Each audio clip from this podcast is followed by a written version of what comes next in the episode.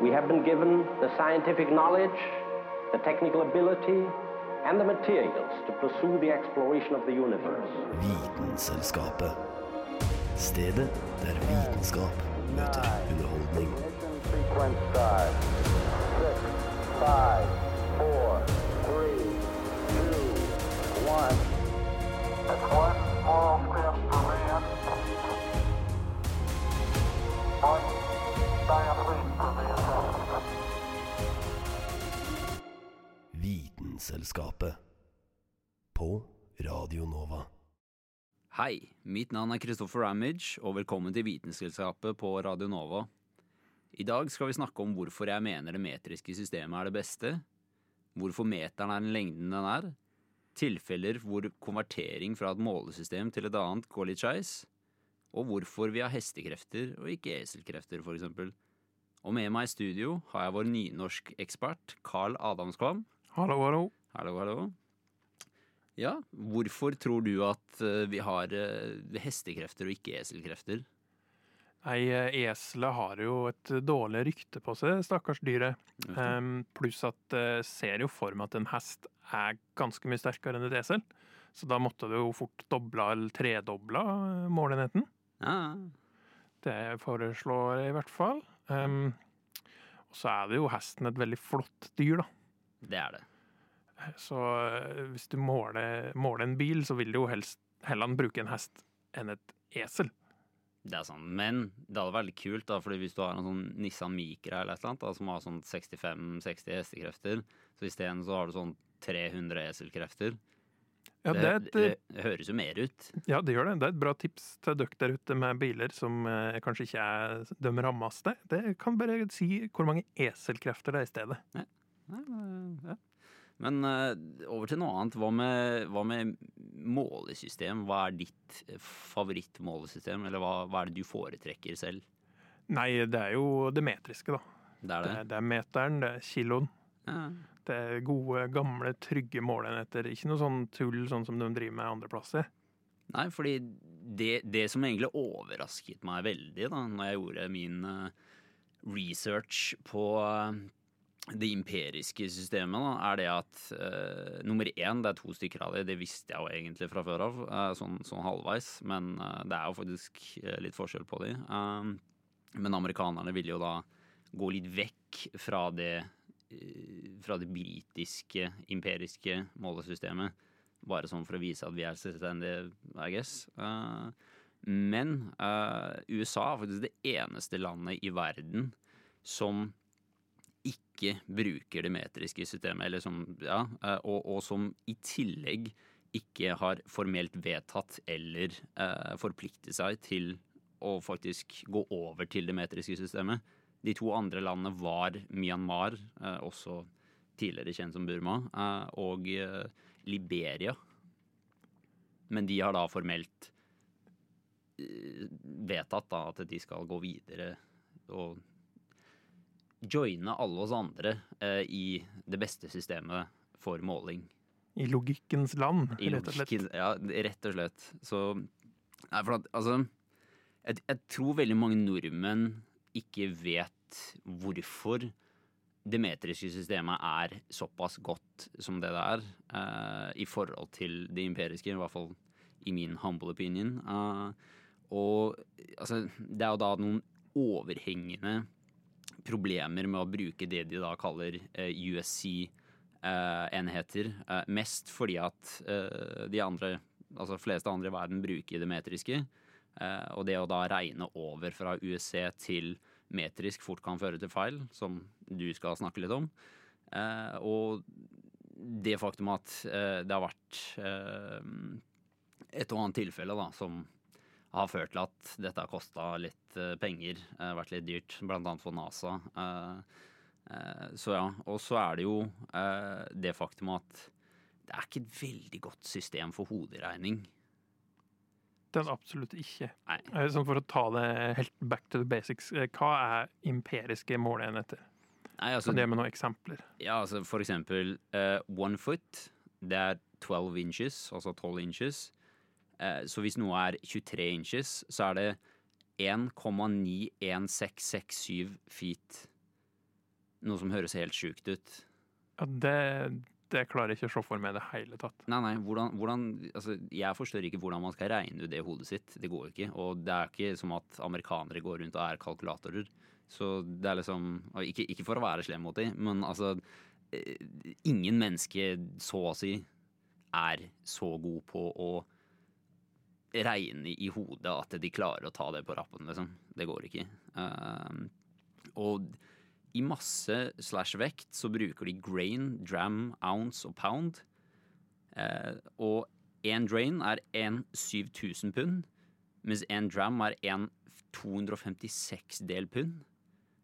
T-grain er da 0,365713 eh, dram, og T-dram er 0,625002 ounce. Lykke til, da, med å kalkulere det i hodet ditt. Han hørte veldig forvirra. Ja, jeg også. Det, det, jeg satt og leste det flere ganger, og jeg jeg, jeg, jeg bare Jeg forstår ikke sammenhengen der. Nei, det, det jo, høres jo ut som det er helt frakobla ting som de bare har funnet ut. Nei, vi syns tomme er fin. Inch, ja, da tar vi oss det. Altså fot, det er jo et bra mål. Ja, Å ja, de, de skal jo henge sammen nå, ja. Mm. ja, ja det, Så jeg, jeg, jeg forstår ikke. Det er eh, det er, det, er, det er litt sykt, men eh, det, det får så være. Eh, så de, de får vær så god fortsette å, å kjøre på med det. Men, men jeg tror vi kjører på videre med, med eh, en liten sak her. Eh, og da er det jo eh, sånn at vi har da snakka om det metriske systemet. Og da meteren er jo en del av det. Meteren er det grunnleggende målet for lengde i det såkalte SI-systemet, altså det internasjonale målesystemet som brukes i dag. I Norge er meteren så innarbeidet at vi antagelig ikke tenker på det til vanlig, men det er faktisk en helt spesiell grunn til at en meter har akkurat den lengden den har. Den offisielle definisjonen som brukes i dag, er at én meter er den strekningen lyset tilbakelegger i et tomt rom på 1 299 792 458 dels sekund. Ikke akkurat en veldig elegant definisjon, spør du meg, og det kan virke litt ulogisk at de har valgt en såpass kronglete måte å måle det på. Det kan for så vidt være fordi dette ikke egentlig er den opprinnelige definisjonen av en meter. Historien om meteren starter helt tilbake på 1670-tallet. Da lekte man nemlig med tanken om å lage et mål som var basert på en helt uforanderlig fysisk eller geofysisk størrelse. Dette behovet var kanskje ekstra stort i Frankrike, som eh, før den franske revolusjonen hadde over 250 000 ulike måleenheter å forholde seg til. Uansett var det franskmennene som tok initiativet til å utarbeide en meter, og det nye lengdemålet skulle baseres på noe som garantert ikke kunne endre seg, nemlig jordkloden selv. De bestemte at en meter skulle tilsvare avstanden mellom ekvator og Nordpolen, delt på ti millioner. Den eneste utfordringen var at ingen visste nøyaktig hvor langt dette var.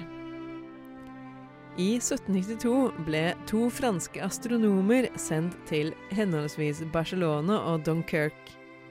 Tanken var at de skulle begynne å måle i hver sin ende, og når de møttes, ville de ha et såpass godt grunnlag at de kunne regne ut jordas omkrets. Dette var, som man kanskje kan tenke seg, pirkete arbeid. Se for deg at du må gå over fjellkjeder og slettelandskaper mens du måler og triangulerer, måler og triangulerer. Hele tiden må det være pinlig nøyaktig. Hele sju år tok det, men endelig var meteren klar til å lanseres. Basert på utregningene de to kom fram til, ble det laget en meterstav i platina, som ble selve meteren, som alle andre metere ble målt etter. Allikevel skulle det ta nesten 80 år før den nye måleenheten slo an. Ved den såkalte meterkonvensjonen i 1875 ble meteren vedtatt som en internasjonal målestandard, og det ble støpt opp nøyaktige kopier av den franske meteren. Norge var blant de første som hev seg på meterbølgen og fikk kopi nummer tre, som forvaltes av Justervesenet. Dette ble standarden for alle metere i Norge, og altså utgangspunktet for alle målestaver, linjaler og tommestokker i landet. Det eneste problemet er at meteren som alle bruker i dag, strengt tatt er feil. Satellittmålinger av jordkloden viser at meteren er to millimeter kortere enn det som egentlig var meningen. Etter den opprinnelige definisjonen er altså ikke meteren vår en ekte meter. Dette kunne jo blitt retta opp da feilen ble oppdaga, men tenk så mye styr det ville blitt når man endelig hadde fått store deler av verden til å bruke samme måleenhet. For det viktigste er tross alt ikke hvor lang meteren er, men at alle bruker den samme. Ikke for å si noe stygt om den syv år lange ekspedisjonen for å finne meteren, men strengt tatt var det jo ikke nødvendig å bruke så mye krefter på det. Man kunne jo bare valgt seg en lengde og laget en målestav som alle andre eh, metere skulle basere seg på, men det er tross alt lett å være etterpåklok. Hun som laget denne saken, heter Kristin Grydeland. Vitenselskapet. Vitenselskapet på Radio Nova.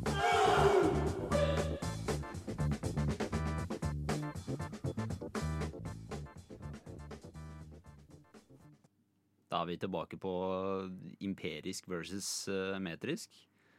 Så da tenkte jeg å snakke litt om det metriske, da, siden vi har snakka om det imperiske allerede. Eh, og hvis jeg sier til deg, eller spør deg da, om hva er 10 centimeter i, en, altså, i meter, da? Hvis du skal konvertere om det. Eh, ja, det er vel eh, 0,1 meter, da. Ja. Eller 1 desimeter. Ja, det er helt riktig. Og det er rett og slett derfor det metriske systemet er bedre. Fordi det er ti, altså basert på titallssystem. Så alt du gjør da i det i forhold til konvertering fra den ene til den andre, er forholdsvis logisk og forholdsvis rett fram, og ting du kan gjøre i hodet ditt ganske lett, syns jeg i hvert fall. Og tror de fleste andre vil være enige om at i det minste er lettere da enn det imperiske uh, i forhold til det med å konvertere fra en til en annen. Eh, så å gå fra centimeter til meter, eksempel, eller motsatt, er ikke spesielt vanskelig. Eh, alt du gjør, er å flytte komma eller legge på noen nuller. 10 millimeter er 1 centimeter, 10 centimeter er 1 desimeter, 10 desimeter er 1 meter, osv. Og det samme gjelder volum. 10 milliliter er 1 centiliter. 10 centiliter er 1 desiliter. 10 desiliter er 1 liter, og 10 liter, det er for mye. Så jeg spør deg, Carl. Hvor mange liter er 14 desiliter? Det er 1,4 liter. Ja, Det er riktig. Skal vi ta litt vanskeligere, da? Hvor mange milliliter er 1,2 liter? 1200. Ja, Det er riktig. Nå følte jeg meg skikkelig smart. Ikke sant? Ja, det er, ja, men det er det som er så fint med det metriske systemet. Fordi jeg føler det imperiske har bare følt, altså fått meg til å føle meg dum, rett og slett. Det er sånn Nei, jeg vet ikke. Altså Og én ting som jeg har ofte møtt på da, hvis jeg har snakka med amerikanere om dette her Og jeg har jo en, en onkel i USA. Og som sagt, de bruker det imperiske systemet der, eh, USA-enheter. Og vi har krangla støtt og stadig om det, eh, om hva som er det beste. Eh, og det er alltid liksom kommet med det samme greiene om at ja, men vi har vært på månen, det har ikke dere. Og så tenker jeg ok, men eh, nummer én, hvilket system bruker NASA? Det metriske. Og nummer to, eh, han som var sjefsingeniør for NASA under liksom, det Månøy-prosjektet, han er jo ikke amerikansk. Han er fra Storbritannia. Så jeg føler ikke at Altså, det, all kudos til amerikanerne for å lande på månen. Definitivt. Uh, men jeg føler ikke at det er et riktig argument da, å bruke i den diskusjonen. Um målenheter, nei. Nei. Det kan jeg si meg helt enig i. Ja. Nei, men uh, hvis jeg kan ta en liten uh, brannfakkel her, så vil jeg si at uh, Fahrenheit er kanskje den empiriske måleenheten som kanskje har noe for seg. Ja. Fordi uh, oss bruker jo Celsius Eh, oppkalt etter den svenske, er det vel.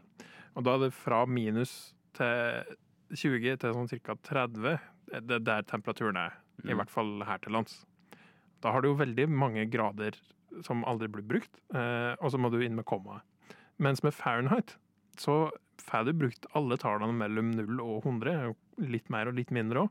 Mm. Eh, pluss at det er basert på eh, vår egen kroppstemperatur, og, som da er 100 grader, cirka. Eh, og hvor langt ned i temperatur vi kan overleve, ca. null.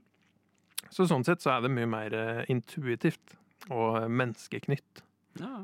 Det, det, det er jeg faktisk enig i. Eh, samtidig så vil jeg jo kanskje argumentere for at Kelvin kanskje er enda bedre. Absolutt, hvis en skal drive med vitenselskap, så er det Kelvin som gjelder.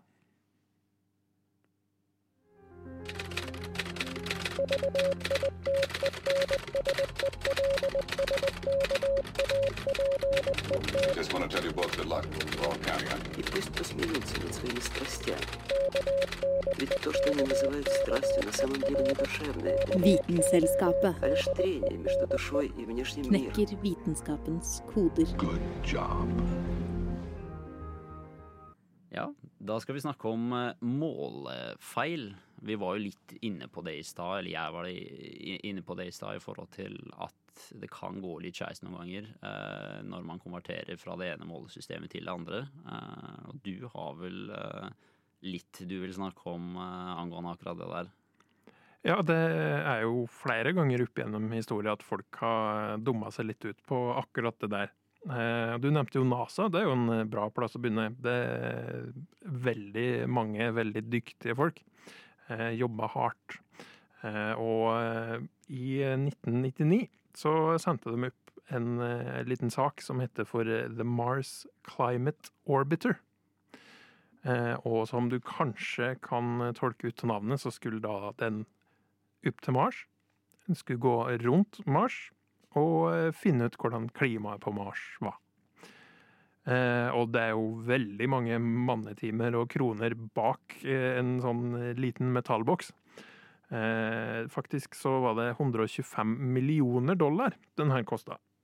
Og da vil du sørge for at alt går riktig for seg når du skal sende ting opp veldig langt til Mars, og så skal du sørge for at den treffer akkurat sånn at den havner i bane rundt. Da må du være presis. Mm. Men det hender seg jo at folk tuller mellom det metriske og imperiske. Eh, og akkurat i det tilfellet her så var datamaskina inni den orbiteren innstilt på at den skulle kalkulere med imperiske enheter framfor de metriske. Så den eh, tok da og bomma med ganske mange kilometer i timen, antageligvis. Eh, og da miles per hour, som den bruker i Amerika, er jo ikke det samme som ei norsk mil. Så det er ikke det at du bare ganger med ti.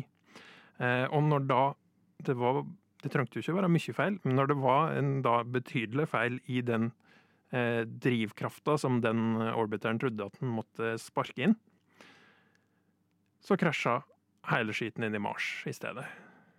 Ja, det høres jo ut som suksess. Ja, ja. Eh, nei, ikke helt. Eh, og det er jo fryktelig pinlig, da, når du kaster bort eh, ja, over en milliard kroner bare fordi at noen mm, tok feil av det metriske og imperiske systemet. Det, ja, jeg vil si, jeg vil si det er en det, det jeg vil kalle en liten bommert. Sånn en bitte liten en. En liten bommert En liten bommert. Ja.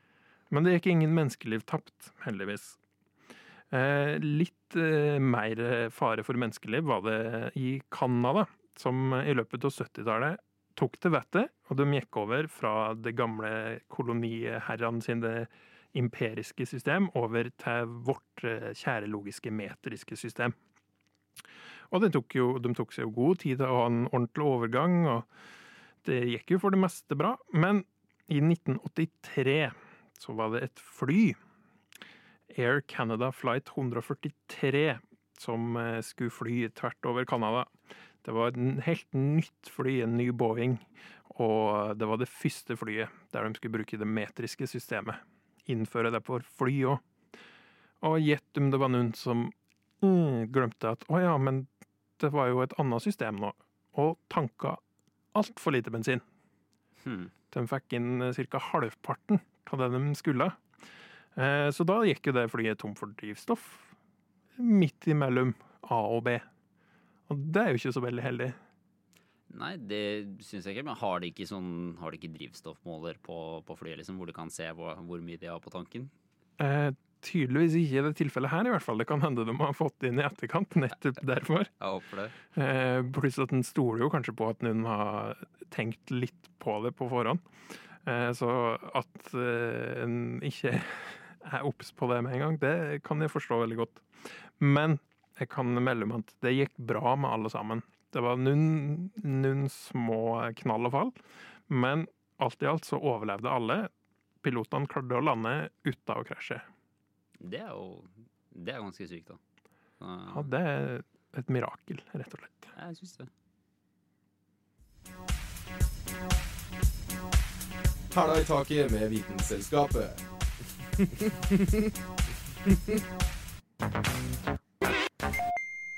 Blant noen veldig utdaterte måleenheter vi fortsatt bruker i dag, finner vi hestekreftene. De begynner sakte, men sikkert å bli erstattet av mer moderne varianter. Men hvorfor begynte vi å bruke hestekrefter som mål i det hele tatt?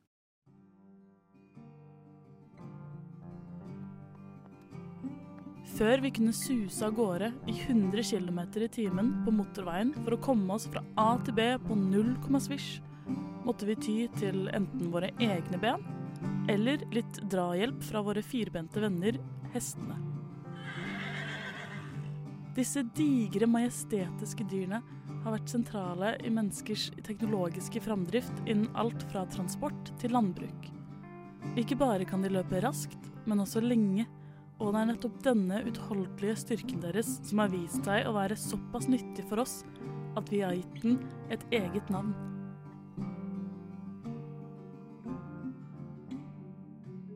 Når man snakker om biler, eller nærmere sagt bilmotorer, er det ofte man hører om hestekrefter.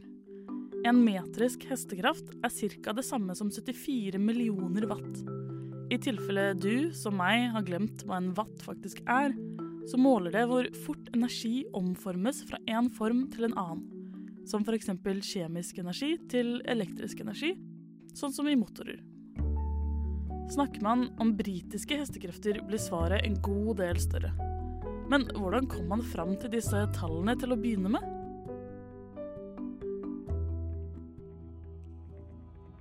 Det var selveste James Watt ham selv som først benyttet enheten.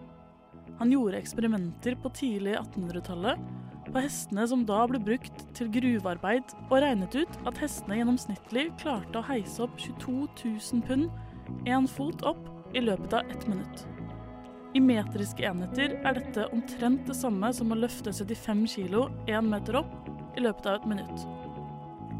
Som du sikkert kan tenke deg, var dette noe som ble gjort midt oppi den industrielle revolusjonen, hvor man var interessert i å finne ut av hvor mange hester man kunne erstatte hvis man isteden brukte dampmaskiner, for så å regne ut hvor mye penger man kunne spare på det, så klart. Feilen i regnestykket er at få hester faktisk klarer å yte så mye i lengden, siden de ikke er maskiner og faktisk blir slitne over tid.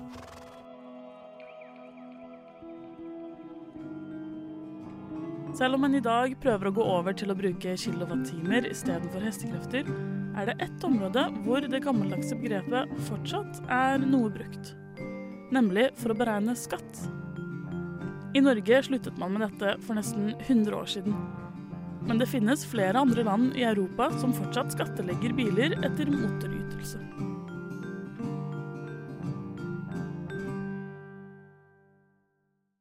Bruket av ordet hestekraft var altså opprinnelig bare et salgstriks for å selge flere dampmotorer, men ettersom motorene verken trenger mat eller vann for å drives, var det noe ganske effektivt, selv om de ikke er like pene som hestene, da. Arbeidshesten bak denne saken var Julianne Li Fjell. Å vite vet Vitenselskapet.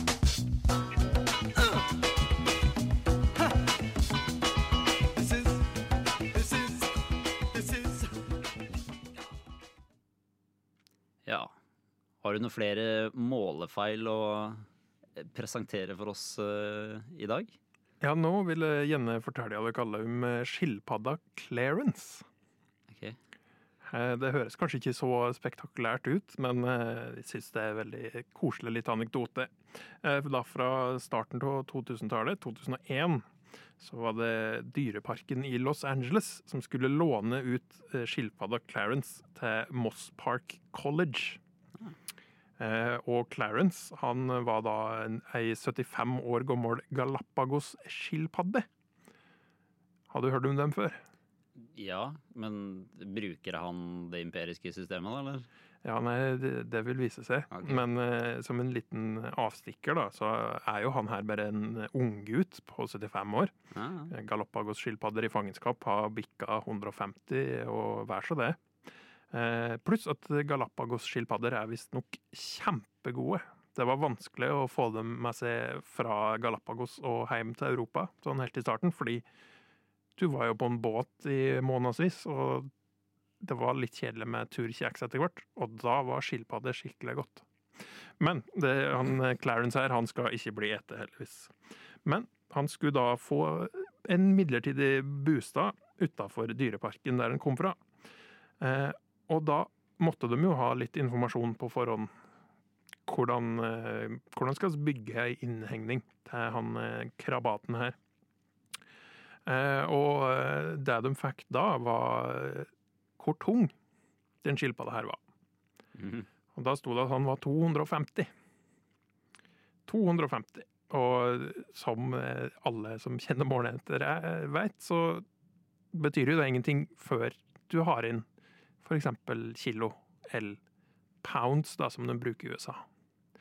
Men fordi oss mennesker også er jo veldig gode på å bare autofylle ting, eh, og s- klare å skjønne ja, nei, men det er jo det som skal være her. Det, det, det, skjønner jo alle. Så da tok de eh, folkene på Moss Park College og bare tenkte ja, men da er det 250 pounds, da.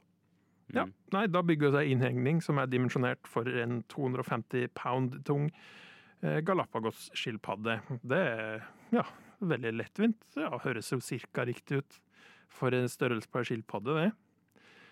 Men som du kanskje har klart å gjette det fram til, så var det jo ikke pounds, det var kilo han her våg.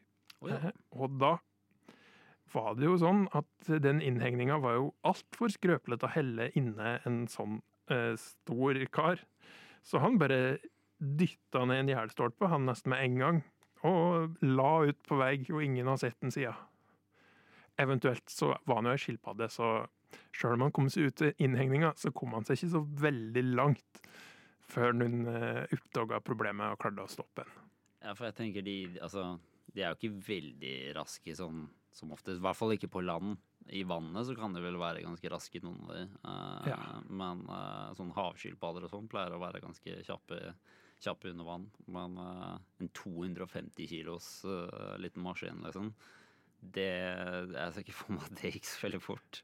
Nei, men det, det syns du var en veldig søt historie, da. Ja. Siden det endte bra til slutt med han òg. Så kan jeg gå over til ditt verste mareritt. Eh, Jeg vet ikke med det spesifikt, Kristoffer, men jeg kjenner opp til flere som syns at eh, berg-og-dal-baner, det er skummelt. Se for deg ei berg-og-dal-bane der de har tulla litt med målenhetene. Det syns jeg er skremmende. Det, det kommer til å bli en stund før jeg setter meg på en berg-og-dal-bane nå, når jeg har hørt at det har skjedd at de har tulla det til. Det var nemlig i Tokyo, Disneyland der, så hadde de Space Mountain. Jeg står kanskje der enda, det vet jeg ikke. Men da skulle de ha noen eh, nye vogner til å kjøre på, på de sporene her.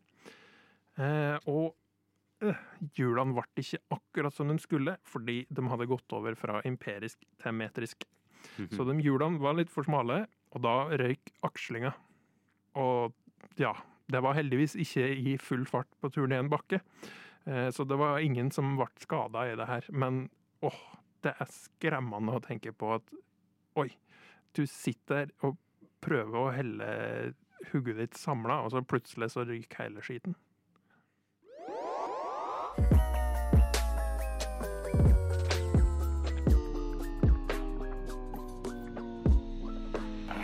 Vitenselskapet.